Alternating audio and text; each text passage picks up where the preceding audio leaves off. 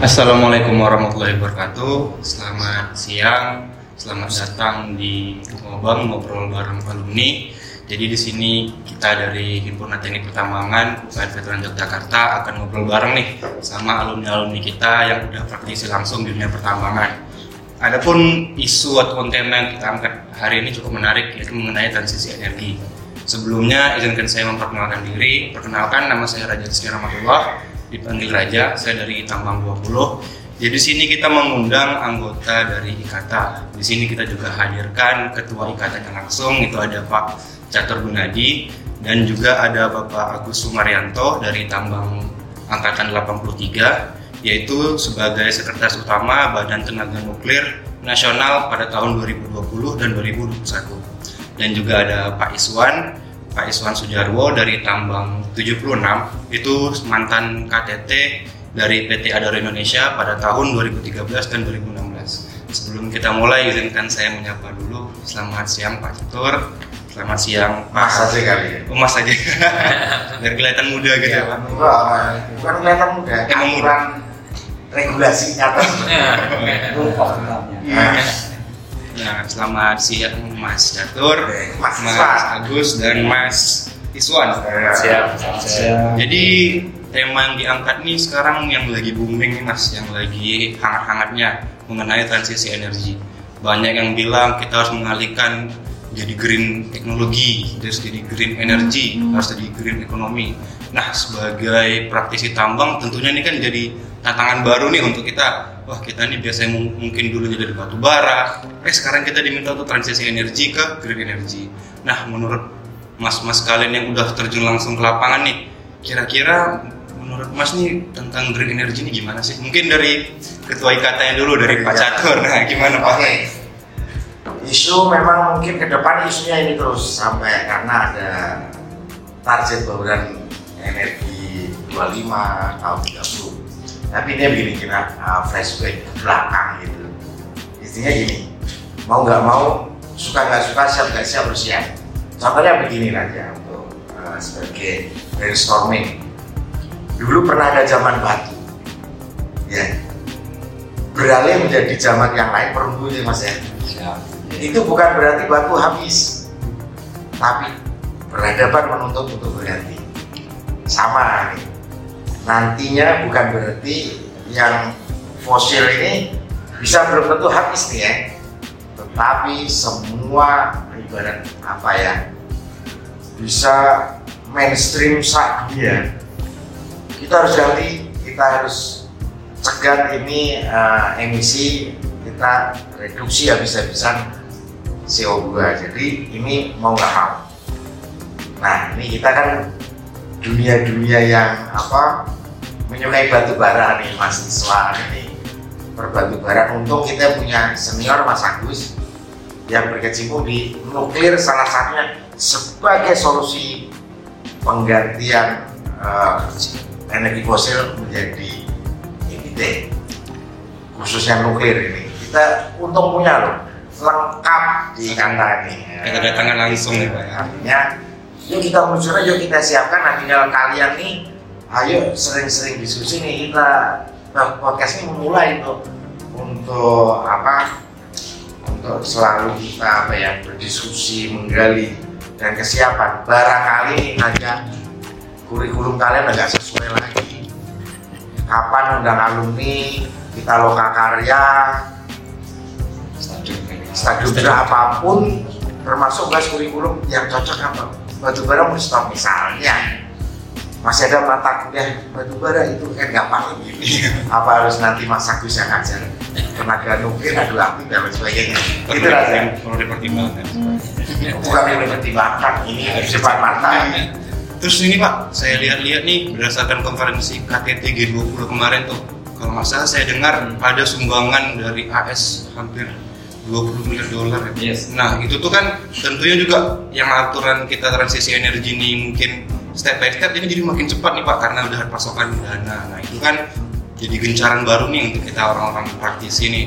Nah mungkin dari Pak Agus nih sebagai teknisi dari nuklir apa ahli nuklir lah. Ya. Nah itu tuh gimana Pak? Kira-kira semakin digencar kita nih untuk transisi energi ini Pak? Ya, terima kasih Mas Raja dan kita alhamdulillah bisa bareng-bareng di sini termasuk bersama mahasiswa. Ya, kalau terkait yang terakhir, saya saya supaya ingat yang G20 memang dari pihak eh, Amerika lah ya kata US itu yang memberikan kan sebenarnya juga dan teman-temannya nggak sendiri ya dari itu memberikan bantuan sekitar betul 20 miliar US dollar tadi untuk mendukung net zero emission sebenarnya kan ke sana hanya di dalam uh, konferensi tersebut memang tidak muncul nuklir nah, ini tidak muncul. Saya nggak tahu kenapa tidak muncul. Apa memang memang sengaja belum dimunculkan? Karena nuklir ini cukup seksi. Kalau gitu ya. Kalau uh, kita kan eleksinya kan lima tahunan nih. Kalau lima tahun awal itu menjadi seksi. Mundur tuh bagus gini gini tapi kalau mau menjelang pemilihan nah ini menjadi pertimbangan. Mungkin bisa menjadi tidak menarik tergantung situasi politik. Ya tetapi yang jelas baru minggu lalu uh, presiden mendatangkan uh, PP 52 2022 uh, berkaitan dengan bagaimana keselamatan uh, keselamatan radiasi di pertambangan mineral radioaktif. Nah ini ini apakah terus kemudian sebentar lagi ini menjadi uh, potensi sisi yang positif akhirnya akan turun. Tapi yang jelas di energi bauran kita itu 23% harus dicapai di tahun 2025 di mana dalamnya ada EPT termasuk di dalamnya ada energi baru dalam hal ini adalah nuklir. Bagaimana pemerintah nanti akan mengimplementasikan? Nah inilah apakah tercapai tidak? Kemudian ada lagi informasi roadmap bahwa tahun di 2030 atau 2032 ini harus ada PLTN pertama. Sementara membangun PLTN itu tidak bisa langsung tiba-tiba dua tahun sebelumnya, tiga tahun sebelumnya. Paling tidak 5 sampai 8 tahun sebelumnya harus kita mulai. Nah, saya kira uh, itu dulu ya berkaitan dengan uh, PLTN uh, dan nuklir dan kontribusinya. Nanti bisa lanjutkan. Nah kita dengarkan langsung nih dari Pak Mas Ismail. Nah, Bapak udah yang berkesimpung lah di dunia pertambangan Pak, yang khususnya di batu bara. Ini kita digencar untuk berenergi, sedangkan untuk transisi kan masih banyak nih orang pakai batu bara. Pasokan batu bara juga lagi gencar-gencarnya karena ada peperangan Ukraina sama Rusia itu kan jadi permintaan batu bara semakin tinggi. Nah, sedangkan kita ini diminta untuk berenergi. Untuk Bapak tuh gimana? Oke, terima kasih Mas Raja. Assalamualaikum warahmatullahi wabarakatuh. Jadi kalau kita kembali ke batu bara, memang saya pernah dengar dari marketing itu memang di Eropa akan benar-benar mengurangi batu bara itu sampai nol. Ada program waktu itu. Cuman kan ini kendalanya dengan resesi, dengan pandemi. Sepertinya dia akan merubah budgetnya juga belum cukup.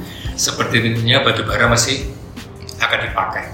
Cuman benar tadi kata uh, Mas Agus bahwa uh, nuklir memang menjadi pilihan. Nah, yang penting saya pesan sama teman-teman atau adik-adik mahasiswa itu bagaimana cara kita menyikapi dengan perubahan-perubahan ini.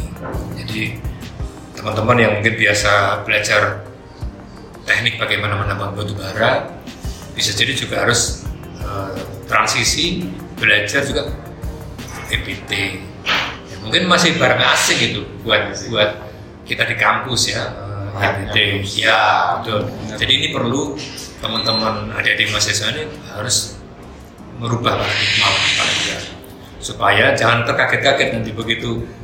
Apalagi Mas Agus barusan mengatakan bahwa ada undang-undang kerusakan dan kemungkinan itu akan berterusan akan keluar undang-undang undang-undang jangan kaget juga gitu. tiba-tiba kok harus green energy misalnya. Ya. tapi juga mungkin perlu dipelajari juga karena ada itu pernah kedatangan peneliti bahwa dia akan membuat gasifikasi jadi batu baranya tidak ditambang. Tapi bagaimana caranya dia e, dikasih panas supaya gasnya itu bisa diambil. Itu bisa menjadi produk kayak LPG atau apalah gitu. Nah ini juga perlu anak-anak apa adik-adik ini mungkin juga menekuni itu juga gitu karena jumlah batu bara di Indonesia cukup banyak. Kalimantan eh, Sumatera itu kalau orang Jepang bilang itu sirkul ya. yang energi rendah itu banyak sekali. Cuman bagaimana teknologi dengan green? Energi tadi siapa tahu dengan gasifikasi mungkin. Nah, makanya nih jangan-jangan anak adik-adik mahasiswa dosen-dosen juga perlu belajar masa bagaimana gasifikasi. Mungkin sementara itu dulu mas belajar saya kembalikan. Tapi prinsipnya kalau kami kami dari kata akan mensupport penuh gitu ya, fully support ke kampus dalam hal ini nanti bisa melalui MTA. Silakan diundang kami ini apakah menjadi dosen atau sekedar untuk sharing, diskusi, diskusi atau bahkan kalau memang harus mau merevisi kurikulum dengan senang hati itu yang pertama. Yang kedua, sekarang dengan adanya yang beberapa eh, PNK, lembaga beberapa kementerian yang berdebatan dan sebagainya sudah walaupun jadi BRIN Badan Riset dan Inovasi Nasional, silakan bisa memanfaatkan fasilitas yang ada di BRIN. Semuanya yang dulu ada di LIPI, di BPT, di Lapan, di Batan bisa dimanfaatkan oleh siapa saja. Hmm, Gitu mas. Mendengar penjelasan itu kan semak- kita ini sebagai mahasiswa tentu kan kita masih mengikuti kurikulum nih Pak. Ya, kita Iya. masih belajar tentang batu bara. Iya. Mungkin kita menyinggung transisi energi belum terlalu banyak lah Pak. Hmm. Kita cuma kayak belajar oh kita pengelolaan lingkungannya seperti ini, untuk tambang ini seperti ini. Nah, Iya. dengan isu baru kita green energy. Nah, ini kan tentunya perlu kesiapan nih, ter- terutama dari kami sebagai mahasiswa tentunya kan ke depannya bakal jadi praktisi seperti bapak-bapak sekalian nih. Tentunya kan perlu ada kesiapan sumber daya manusia nih pak. Nah, menurut bapak-bapak sekalian nih, sebagai kami kami sebagai mahasiswa nih menyikapi hal itu tuh harus seperti apa? Apakah kami harus mungkin sampaikan kepada dosen kayak Pak, ini ada isu baru nih, perlu kita gini gini? Nah, atau ya kita juga mengikuti aturan dari jurusan ataupun ya bagaimana lah yang kita ini sebagai mahasiswa ini menyikapi isu-isu tersebut. Ini mas satu kali. Nah dari Mas Chandra, dari yang paling muda, Bertiga aja satuannya. dari yang paling muda dulu ya. Kalau kurikulum yang ada sekarang kamu harus eh, eh, menjalani itu semua ya ikutin dong. Ya. Apa-apa yang kita bawakan wawasan tadi kan untuk menyiapkan di luar, di luar kesiapannya. Intinya kita ini kalau bicara ini di luar kampus semua aja. Kita nggak bisa tekan Pak Rektor, bisa. Paling dengan ini ya barangkali beliau mendengar atau mempercepat eh, perubahan-perubahan kurikulum. Barangkali kita reguler nih mas ya. Nanti kalau nggak setuju di ditimpali, kalau setuju ditambahin. Artinya ini kita siapkan apa lomba-lomba karya tulis itu adik-adik yang tidak lomba karya ilmiah tapi main-main nggak usah gitu ya. Kali-kali kita lomba karya tulis populer. populer EBT kalian menemukan energi baru apa sih? Singkong jadi apa ini segala Hmm. macam. Termasuk yang diserahkan mahasiswa itu kan hilirisasi batu bara ini dipakai yang dihilirnya gitu. Dulu kita mainnya dulu mas. Sebagai energi primer itu. Yang yang masih mendominasi eh, PLTU kita masih coba. Barangkali apa ya mungkin bisa berubah ke biomasa segala macam. Mulai kata akan melombakan itu dan nanti apresiasinya menarik. Gitu ya. Ini dicatat ya ngomong Mungkin teman-teman udah mulai mempersiapkan diri nih. yang persiapkan diri ya ayo. Nanti ada lomba tulis temanya. Green maunya di puncak green energy net zero emission di 2060 termasuk. Pokoknya yang ikuti apa yang disepakati pemerintah dan dunia itu raja Lalu Pak, kan ini tentunya untuk perubahan energi bukan hanya tantangan bagi kami yang mahasiswa juga, tentunya bagi perusahaan-perusahaan yang mungkin eh, komoditas utama ini mungkin seperti batu bara, yang mana untuk transisi energi kan belum siap nih Pak. Nah, menurut Bapak nih untuk perusahaan-perusahaan yang skala besar yang memang utamanya itu komoditas batu bara nih, kira-kira mereka menyikapi dan sekiranya menyetujui nggak Pak dari adanya inovasi terkait green energy ini? Karena kan kalau misalnya kita bilang kita mau bikin potong nol nih batu bara, perusahaan berarti kan yang nggak ada produksi pak. Kan karena emang kebutuhan batu bara kan kita mengikuti nih kebutuhan dari pasar bagaimana. Nah menurut bapak nih kesiapan perusahaan ini bagaimana sih terkait adanya perubahan ini? Apakah mereka menolak atau mereka juga ikut serta nih mendukung secara kuat lah terkait green energy ini Kalau setahu saya perusahaan ya pasti harus mendukung itu pasti. Ya kayak Adaro kan berubah jadi Adaro Energi, dulu Adaro Indonesia. Pertamina pun juga jadi perusahaan energi. Ya kan, itu. mau nggak mau harus ngikutin karena kita kontraktornya pemerintah ya mau nggak mau harus ikutin PP-nya pemerintah pasti cuman dari itu tadi bahwa kita harus menyiapkan bahwa suatu saat akan berubah itu aja yang penting karena jangan sampai kita terpaku pada yang sekarang nanti begitu berubah akan terkaget-kaget. Nah itu yang masalah. Itu yang penting. Harus teman-teman mahasiswa harus mulai siap. Ya. benar kata uh, Mas Catur tadi bahwa walaupun zaman batu kayak di zaman ini batunya tetap ada. Batu bara juga masih ada. Cuman bagaimana teknologi mengambil batu bara mema- memanfaatkan batu bara dengan cara green. Itu aja. Aman. itu itu yang perlu dipelajari. Makanya kesempatan inilah buat teman-teman adik-adik mahasiswa mengembangkan diri teknologi mungkin ada perkembangan nama wow alam. Tapi yang jelas kalau pemerintah mengeluarkan peraturan ya suka nggak suka kita harus ikut. Nggak bisa menentang itu. Mungkin itu aja kalau dari saya. Ya, eh, satu hal ya, yang pertama, eh sorry, Eh, yang pertama bukan berarti eh, istilahnya hilang semua tuh enggak. Energi bauran itu kan nanti kan kebutuhan kita kan makin meningkat. Kalau sekarang sekitar 300 gigawatt misalnya gitu ya. Kemudian nanti prediksinya sampai dengan 500 atau 600 gigawatt kan tetap masih ada yang berupa fosilnya itu, ya. itu yang pertama. Yang kedua, yang disampaikan oleh mahasiswa tadi, batu bara mungkin sudah nggak akan dibakar lagi. Maka saya eh, mengundang, misalnya kalau mahasiswa tadi sampaikan Mas Satur mau melakukan penelitian, ya kita siap. Jadi tadi itu batu ini mungkin sudah nggak diambil terus dibakar enggak, gitu. karena sama-sama punya eh, karbon eh, dan hidrogen tadi. Nah itu kan bisa diproses dulu sehingga nanti menjadi eh, green energy. Jadi seperti itu terus kan maka kenapa diumumkan sekarang untuk ke 2060 supaya masing-masing bisa bersiap-siap? Satu bersiap-siap kedua mencari teknologi alternatif sehingga batu bara tetap bisa ditambang gitu ya tetapi mensupport ke green energy. Itu. Itu tadi kan eh, eh, batu bara tadi bisa jadi yang, yang sifatnya cair yang LNG tadi itu udah ini ada penelitiannya gitu. Nah, Udah. Itu saya kuliah ada Ya. liquefaction. Ya. Liquefaction itu kita pelajari. Ya. Makanya makanya nih saya mahasiswa semua mumpung podcast. Kalau skripsi jangan pemindahan tanah mekanik dong, kan? Nah, inisiasi batu bara, pencairan segala macam. gasifikasi Oh, atau tiba-tiba tadi kan masalah Karolina barangkali kita coba beri daya tarik sendiri dan coba mulai ambil ambil judul di deskripsi mulai apa apa mulai dulu Gitu. Ya, silakan gitu ya kalau mau eh, berkunjung ke BRIN atau yang di Batam itu kan kita bisa belajar mulai dari eksplorasinya bagaimana uranium, bagaimana itu sampai dengan pembuatan bahan bakarnya.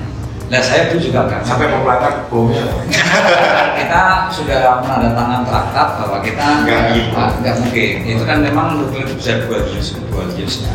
Nah tapi kita fokusnya kepada kesejahteraan nah, yang seperti itu. Jadi eh, nuklir untuk kesejahteraan lah, bukan untuk Perang. uh, weapon. Berbicara soal teknologi nih pak. Saya juga cukup tertarik nih. Tadi kita kan bahas tentang sumber daya manusia. Sekarang kita membahas teknologi. Tentunya kan untuk menghadapi transisi energi ini nggak cuma dari segi sumber dayanya aja manusianya tentu juga dari teknologinya nih harus mumpuni yang mendukung kita nih untuk transisi energi.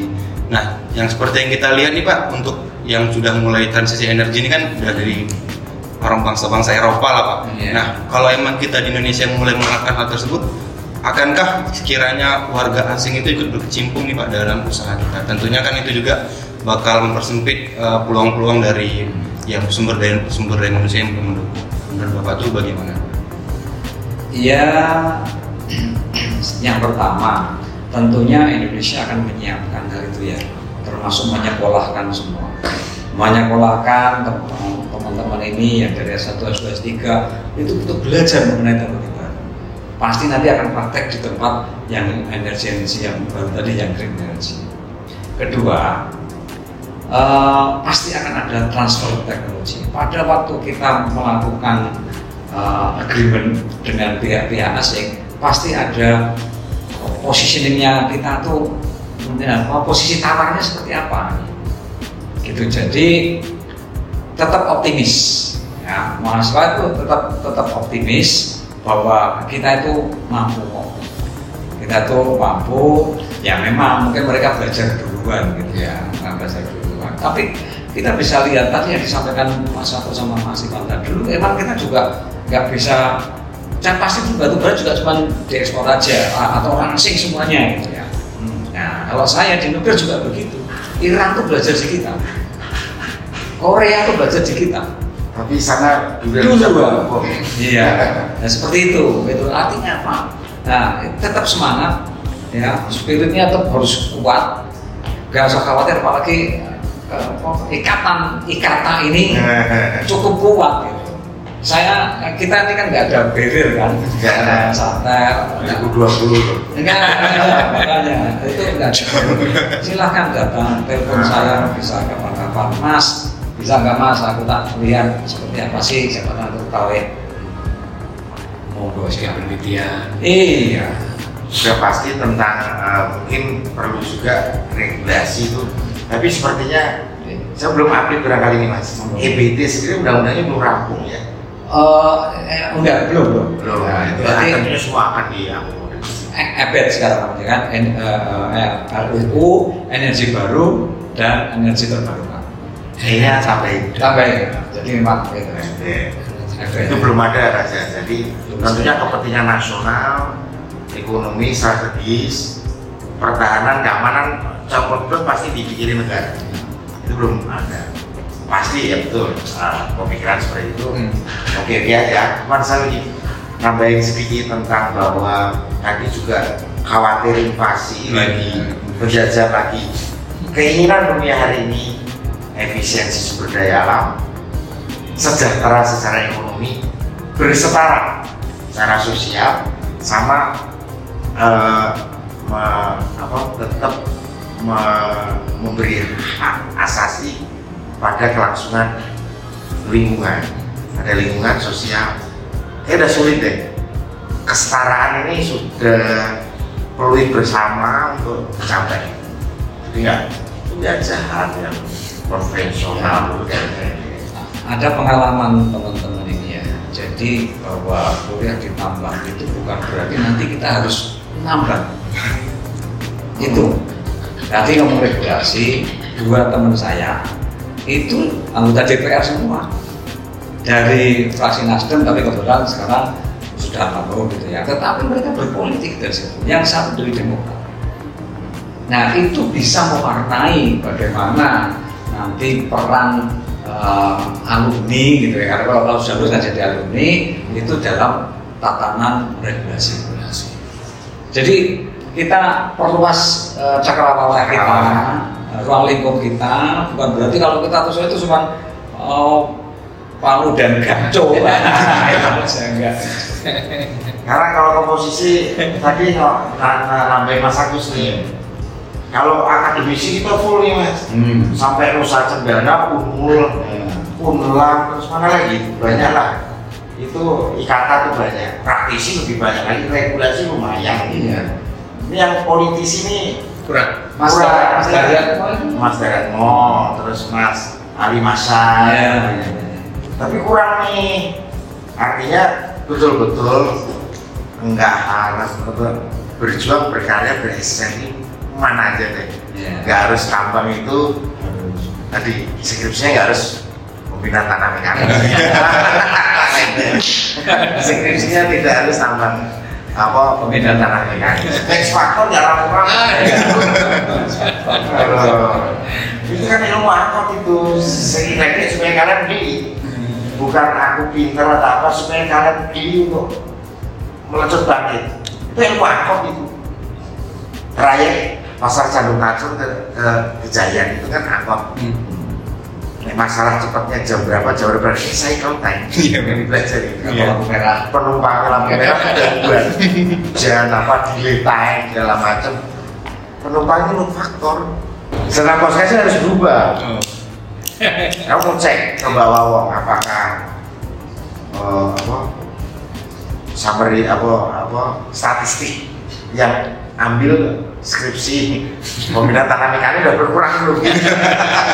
Iya ini masih sama lu itu skripsinya sebelum masuk span itu yang lain oke? Ja- Dan juga nih Pak, tadi kan kita bahas soal kekhawatiran lah Pak terkait adanya orang asing yang mungkin ikut. Nah, tentunya kan juga sebagai tamparan lah untuk kami sebagai mahasiswa ini, oh ternyata nih yang kita bersaing ini bukan skala nasional lagi udah kita ke skala internasional. Iya. Tadi disebutkan bahkan Korea belajar ke kita, tapi Korea yang juga lebih maju. Itu kan tentunya juga untuk teman-teman sekalian kan perlu peningkatan nih kemampuan dan juga disampaikan tadi oleh Pak Catur kita ini sebagai mahasiswa lah teknik pertambangan ini kita nggak cuma belajar mengenai sebagaimana menjadi akademisi mungkin teman-teman sekalian ini ada yang tertarik menjadi akademisi entah ada juga jadi praktisi seperti Pak Agus. Researcher. Ya researcher. Nah itu tuh ternyata nih kita juga perlu eh, terjun langsung ke bidang politik. Nah karena seperti yang kita tahu dari bidang politik kan tentu mempengaruhi terkait juga regulasi kita nanti bagaimana. Nah terus untuk kami sebagai mahasiswa nih Pak kira-kira bekal-bekal yang harus kami bawa dari sekarang nih untuk uh, transisi energi inilah dan juga menghadapi sekiranya konflik-konflik tentang green energy ke depan ini dari kami ini perlu persiapkan apa nih Pak yang sangat mendukung lah dari kami ini uh, perlu apa ke depannya dan juga biar kami bisa melu- mengaplikasikan lah ilmu-ilmu kami dapat secara optimal. Pak, gitu. Kalau saya sarankan tadi udah ditawarin Mas- Mas Agus kan ya undang diskusi dan jangan apa ya kayak pakai kacamata kuda itu kita harus harus buka diri gitu. itu yang penting. Karena kadang-kadang ada masalah "Wah, aku jurusan tambang. Ya udah tambang baik jadi tetap harus membuka panggil pakar-pakar apalagi sudah ditawarkan itu diskusi nah, mahasiswa pada datang supaya mem, apa ya eh, merubah paradigma yang dan tadi saya menyambung Mas Raja yang ketakutan dengan tenaga asing saya pernah alami kerja di KBC ya, pernah juga di Adaro nggak usah takut sama orang asing. Kalau kita memang kompeten percaya diri bisa kok kita. Tapi kadang-kadang kita udah udah nggak pede dulu. Ah ini ya repot. Gitu. Bisa kita bisa. Ya, orang orang kita udah banyak lah Rumi UPN yang terbukti bisa. Ini angkatannya Mas Agus kan KPT-nya ada iya bisa kok nggak perlu harus orang asing oh ya sekarang katanya Mas Agus iya Eno kan malah malah kalau ya ikata juga jadi CEO-nya juga Oh iya, Pak Priyadi. Iya. Oh, iya. Iya. udah kenal kamu Udah kemarin Di beliau. Dua, kan? ajakin podcast Oh. Nah, itu perlu Ya kemarin juga ditawarin kita bakal sharing-sharing lah ke depannya. Iya lah. Karena juga ada alumni katanya bakal banyak nih apa saja yang bakal Pak dilakukan. Pri itu Mas Raja paling seneng kalau diundang tuh. Oh, diundang aja suruh diskusi. Iya, Allah. orangnya periang Insya. Allah. Ya, insya Allah. Saya kan hampir 25 tahun sama dia. Hmm. Sama dia ada. Ya kalau dari saya memang dua hal besar. Yang pertama mengenai teknis. Tetap kita juga harus menguasai teknologinya. Artinya ya kita harus belajar. Jadi supaya kita nggak khawatir kalau ada dari asing tadi. Ya istilahnya sekarang banyak kok ikatan yang sudah di sudah mendunia di luar negeri. Nah, saya pun juga pada waktu itu sudah ditawarin juga suruh pindah ke perusahaan tambang uranium oleh Pindem yang ada di Australia. Saya enggak, satu balik. Saya begini sampai ke loh, udah ber- udah badan raga internasional gitu. Kalau setahun mungkin bisa meeting tiga empat kali di Wina menaruh bendera Indonesia di meja. Ya itu itu membuat rule of thumb pertambangan mineral produk itu yang dipakai di situ. Dari sisi dari non teknis juga tetap harus ya sering komunikasi teman-teman jangan lupa bahasa Inggris kadang-kadang tadi itu nggak pede gara-gara kita bahasa Inggrisnya iya padahal sini beda-beda aku jadi ngerti Kira dua kali. saya bisa itu sebenarnya Kira dua kali. Oh. Mikir materinya sama mikir Iya. tradisi. Dua kali menangan dia lah ya. Menangan dia. Tapi kalau bahasa Indonesia dia dua kali kan. Iya. Nah, terus kemudian memang ini kan resource kita gitu ya, sumber daya kita. Ya harus kita jaga. Itu salah satu kenapa saya pengen tetap tetap kembali di Indonesia belajar. Gitu. Nah, itu kira-kira itu aja pesan saya. Kalian punya kakak-kakak kelas di kata ini yang welcome, yang uh, full full support gitu ya. Nah, manfaatkan itu manfaatkan itu. Kalau kami-kami dulu masih sedikit kan. Nah, nah, sekarang ini ini saya dengar juga dari di mana-mana. Mungkin pada waktu kan satu angkatan kan 180 saya tuh yang sekitar itu. Nah sekarang lagi banyak ini memang. 200 lebih. 200 Eh, yang, yang yang sekarang maksudnya yang pada jadi ini loh. Oh. Nah, Oh. yang dari, dari sudah mapan. Nah, ada apa? Tahun sudah angkatan 90, 2000, nah itu sudah mulai mapan. Nah ini di, dimanfaatkan dalam arti bukan negatif ya, bukan artinya ini yuk kita optimalkan lah kondisi Sinergi. Iya. ini mas, jadi tetap eh, untuk memperkuat kita, kita juga kerja nggak bisa ini kan Indonesia punya aku harus dijaga yang enggak, tetap harus punya. Bisa banyak terbukti kok. Saya sudah bisa membuktikan merencanakan tambah uranium berapa desainnya, iya kayak gitu. Nyatanya bisa tadi yang disampaikan Mas Islam. Tetap semangat, kita fully support. Nanti ya saya ikut komandan. Iya. Senior no komandan. Komandannya senior. lagi, justru lagi diserai dikasih mandat amanah, bukan komandannya. Tambahannya kayak ini aja, apa komplit lah dari senior ini. Ada pra- praktis sedikit barangkali eh, di dalam ber-IPT dan ber-green green tadi itu perlu cipta ekosistemnya dimulai. Sebenarnya pilot project green economy ada Kalimantan. Pilot kalian bikin ekosistem uh, green energy bisa green energy green economy itu ngirit ngirit sumber daya efisien sumber daya. Itu bisa menciptakan ekosistem. Itu tuh penting. Kalian naik, naik ke kampus naik sepeda lo boleh dong sepeda gitu kan yang langsung itu Mas Anggoro tadi itu kan kepala pusat riset teknologi pertanahan. Kalau kalian menjadi asisten riset di situ dari mahasiswa ini, itu dapat honor juga sebagai riset asisten. Ikut aja diberikan dulu apa risetnya yang ada di sana. Nah itu Mas Anggoro nanti pasti senang kalau uh, saya ini Hmm. Dulu kosnya di Bandung sama saya. Mas aku mau mau terima lagi atau PTBA? Ini cerita dulu. Jadi kita tuh kayak rantai gitu loh. kan. Mas aku cerita Mas aku Iya. Mas Anggoro se seruang mas saya di kosan. Saya dia terima di PTBA tuh mas. ya lebih milik sedikit kayak negeri apa UMN apa swasta? Ya saya senengnya. Kalau di dijalani saya senengnya pasti Allah pesan jangan merasa terpaksa. tambah lagi pesanan tuh ingat Inggris kan? Iya pak. Dikata mau mau yang nulis ilmiah mau segala macam. Kalian nggak yang ini. Panitia nggak bisa kita panitianya juga nggak bisa. Saya kasih program tinggal dikata tugasnya apa gitu loh. Mengumumkan hasilnya mengasih hadiah hasilnya termasuk eh, ini mereka ada mining di mas. Oh, iya. MNC saya bilang pas ini ketuanya dulu dia nih. Iya. sekarang diganti. Mau buka saya bilang. Tapi pilih sendiri.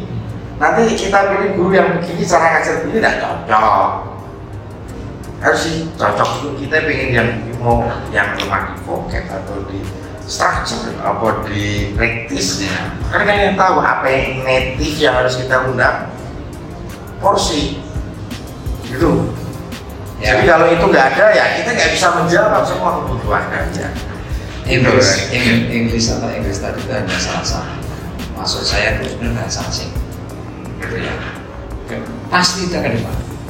Teknologi dari Rusia saya ketemu kok, saya lupa. Tapi itu memang mahasiswa Indonesia yang di Rusia sana dan dia dipakai.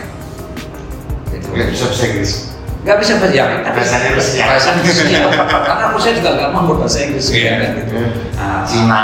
Ya, banyak yang dikirim ke Prancis itu eh, Rusia, Prancis, kalau yang besar itu sekarang itu Kazakhstan. Ini untuk eh, tambang uranium terbesar nih, survei terbesar. Kemudian Kanada, nah itu ter- terbesar menurut gua. Nah artinya eh, bahasanya tidak hanya Inggris tadi hanya hanya asing lah itu. Sa, sa, senyamannya, Senyamannya. Se- sesenangnya, senyamannya. Sesara boleh Ya, mungkin teman-teman udah dengar langsung ya penjelasan dari Pak Catur, Pak Agus. Mas. Oh Mas. nah, nah, jadi ini kita nih di tergantung kitanya. Ini kita udah mulai menghadapi yang namanya transisi energi nih. Jadi teman-teman ini juga bakal mempersiapkan diri lah. Mungkin kita diberikan kurikulum dari kampus seperti ini. Nah, di hal-hal yang seperti inilah kita perlu sharing kepada alumni kita yang praktisi juga langsung nih dan juga mereka bakal mempersiapkan juga terkait green energy. Nah, teman-teman juga misalnya teman-teman pengen, Pak, eh, Mas, saya pengen bisa bahasa, bisa disampaikan langsung mungkin ke Pak Catur. Dia bakal juga men- bak- bakal mendukung. aku hanya pengen jalan di berbahasa Iya, nah kita ini bakal didukung nih. Nggak bisa. Nah, kita bakal didukung apa pun yang kita butuhkan. Sekiranya dari teman-teman ini udah mempersiapkan diri, lalu ada terkendala nih di sekitarnya di bidang A, di bidang B, bidang C. Nah, kita bisa uh, memanfaatkan lah alumni-alumni kita yang sudah langsung terjun ke lapangan. Namun bicara soal transisi nih Pak, saya juga penasaran nih. Kita kan transisi tentunya perubahan energi mungkin udah dari batu bara yang fosil nih ke energi yang baru. Kira-kira untuk mineral atau energi yang sekiranya prospek dan sangat bagus ke depannya ini apa ya Pak? Biarkan mulai mempelajari, kita mempelajari oh batu bara bla bla bla bla. Ternyata ada yang di prospek kita bahkan memperdalam lagi seperti itu. Ya, kalau menurut saya sebenarnya perbandingannya enggak apa, apa seperti itu ya. Bahwasanya kalau energi baru itu seolah melarang energi fosil enggak. Enggak. Ini tuh kita tuh berdampingan. Iya. Bahu Bahu, ya. itu itu berdampingan tidak bisa tidak bersanding lah disandingkan. Tidak untuk diadu. Gitu ya. Kenapa saya bilang begitu? Oh, batu bara saja itu juga kalau di hilirisasi dia tetap tetap menggunakan batu bara kok. Tapi karena ada uh, teknologi dan proses tertentu sehingga dia bisa menjadi energi sinergi maka perusahaan-perusahaan batu bara Pertamina, Shell ataupun apa pun yang namanya sekarang menjadi perusahaan energi. Itu itu itu yang pertama. Jadi uh, bukan berarti batu baranya terus nanti perusahaan batu bara itu tutup enggak dia pasti akan berevolusi ya gitu ya. Transformasi. bertransformasi gitu ya. Uh, bukan revolusi kan gitu. Transformasi. Akan seperti itu. Kan sekarang kenyataannya yang kemarin yang untuk nanti kalau hidrogen cair itu dari apa? Dari batu bara hidrogen cair. Kok Pertamina ikut ikutan misalnya kayak gitu. Hmm. nah kayak gitu. Jadi eh, jadi berkaitan dengan itu kita saya juga tidak akan mengajukan eh, apa yang terbaik. Semua itu baik. Semua itu baik. Pada suatu saat Pak, pasti akan akan jadi energi baru energi baru terbarukan. Seperti itu itu sih kalau menurut saya. Jadi nggak terus minum apa? Enggak enggak enggak begitu. Bukan bukan menyalahkan pertanyaannya. Saya menambahkan wawasan bahwa sebenarnya kuncinya memang di inovasi teknologi terus sekarang kalau kita lihat air laut itu mengandung uranium itu banyak. Tapi teknologinya belum ketemu. Kemudian energi eh, gelombang air laut seberapa besarnya? Kapal aja pecah. Saking besarnya tekanan di dalam itu gitu. nah itu kan bukan mineral kan gitu. Nah, kira-kira seperti itulah gitu ya. Supaya wawasan kita jangan menjadikan kacamata udah tadi maksudnya gini wah berarti nanti bara kan tutup nih. Akan nggak dipakai. Enggak. Ya seperti itu sih. Meskipun saya bukan dari batu mungkin nanti bisa dicek sama Mas Iswan. Kira seperti itu. Oh Mas Iswan? Ya ya sesuai dengan barusan dikatakan Mas Agus jadi jangan sampai kita punya pikiran kalau energi yang baru ada terus yang lama mati gitu enggak. Lah jadi kembali lagi penguasaan teknologi ya itu aja. Jadi sekali lagi tadi pesannya ya, bahwa sering komunikasi. Siapa tahu di kampus belum ada di tempat lain sudah ada penelitian bisa jadi kita apa namanya copy paste lah kasarnya. Tapi bisa dikembangkan lagi itu lebih bagus. Apalagi bisa diambil tugas akhir misalnya jangan PTM kan jadi negatif-negatif itu sebenarnya enggak enggak perlu. Kita positif thinking aja. Selama Allah memberikan kita kehidupan pasti ada rezekinya. Udah nggak usah takut. Nggak usah- saya mencontohkan ya dulu kan HP itu kan besar-besar kan. Oh iya. sekarang makin kecil makin kecil. Mungkin saja juga gitu. Sekarang kita masih perlu lahan yang luas untuk mendapatkan panas. Untuk sel surya mungkin nanti dengan semikonduktor itu cukup kecil. Luasannya nggak nggak nggak sampai yang parah lagi. Apanya ya? Nah itu maksudnya teknologi di situ gitu. Jadi nanti nggak perlu luasan yang luasan sama aja dengan batu bara tadi. Suatu saat akan batu bara tidak eh, sampai yang katakan eh, kalori yang rendah pun akan bisa tetap dimanfaatkan untuk energi hijau gitu Iya, apa namanya? Jangan sampai kita terbak, terpaku pada kalau ini kan ngomong eh, konsumsi energi virus cool tapi yang steam. Ya. Cool itu nggak hanya steam, ya ada cool dipakai yang lain itu satu. Kedua, cool ini ya nggak lama sih sebenarnya. Jadi di steam cool itu nggak lama. Mungkin beberapa tahun setelah Krakatau Gunung Krakatau meletus. Pertama Patrick dibangun di York belum 1500 nanti kalau sudah 1900 eh 2030 ketika berenergi kita berapa? 25 ya yang eh, energi EBIT tadi ya? EBIT. tahun 2025 itu 23 persen. Berarti 30 25 persen. Ya bauran itu tepat penggunaan perdana stimpul untuk listrik itu 150 tahun. Nggak lama loh. Nggak lama. Terus kemudian bahwa eh, apa namanya? Kita harus eh, eh, menyiapkan segala sesuatu yang berkaitan ini tambang itu kan alhamdulillah sering jadi isu. Kalau kita buka statistik produksi dan emission itu masih di transportasi. Terus kemudian energi main industri. Transportasi masih nyantai kalian naik motor. Tapi di rumiang-rumiang main tambang terus. Iya. saya kadang mulai pinjam pakai laut ada berlaku 25 pinjam pakai hutan udah masih ngalamin. Sekarang nggak ulayat apa apa tuh mas? Nggak ulayat segala macam. Ini begitu EBT yo batu bara diserang. Bukan transportasinya dulu. Dia transportasi loh yang di di situ. Memang mau disiapkan mobil listrik listrik dari dicas pakai listrik listrik Listriknya dari dari batu bara atau disuruh yang lain dulu? Ininya masih bawa ini dulu kadang aku punya perasaan begitu yang ya bodoh-bodohan lah. Karena aku mau bilang masih sek masih ego sektoralnya ada nih. Tambang selalu di paling dihujat paling ya seksi barangkali paling kentung. Nih tanya lain soalnya gitu Walaupun paling gede. Kali Oke. Oke, mungkin teman-teman udah dengar langsung nih, emang ya bagi jadi tantangan baru lah untuk kita ke depannya nih. Oh, sekiranya ada ide-ide dari teman-teman, ada inovasi barangkali apa terkait. Oh, teknologi ini kemarin kayak gini, mungkin saya bisa merancang sekian. Itu mungkin suatu kemajuan lah untuk sebagai mahasiswa. Dan juga para alumni juga mendukung kita nih terkait kita bisa mengadakan penelitian atau bahkan diskusi seperti ini ya Pak. Ya. Itu juga itu sangat welcome lah pada Ya.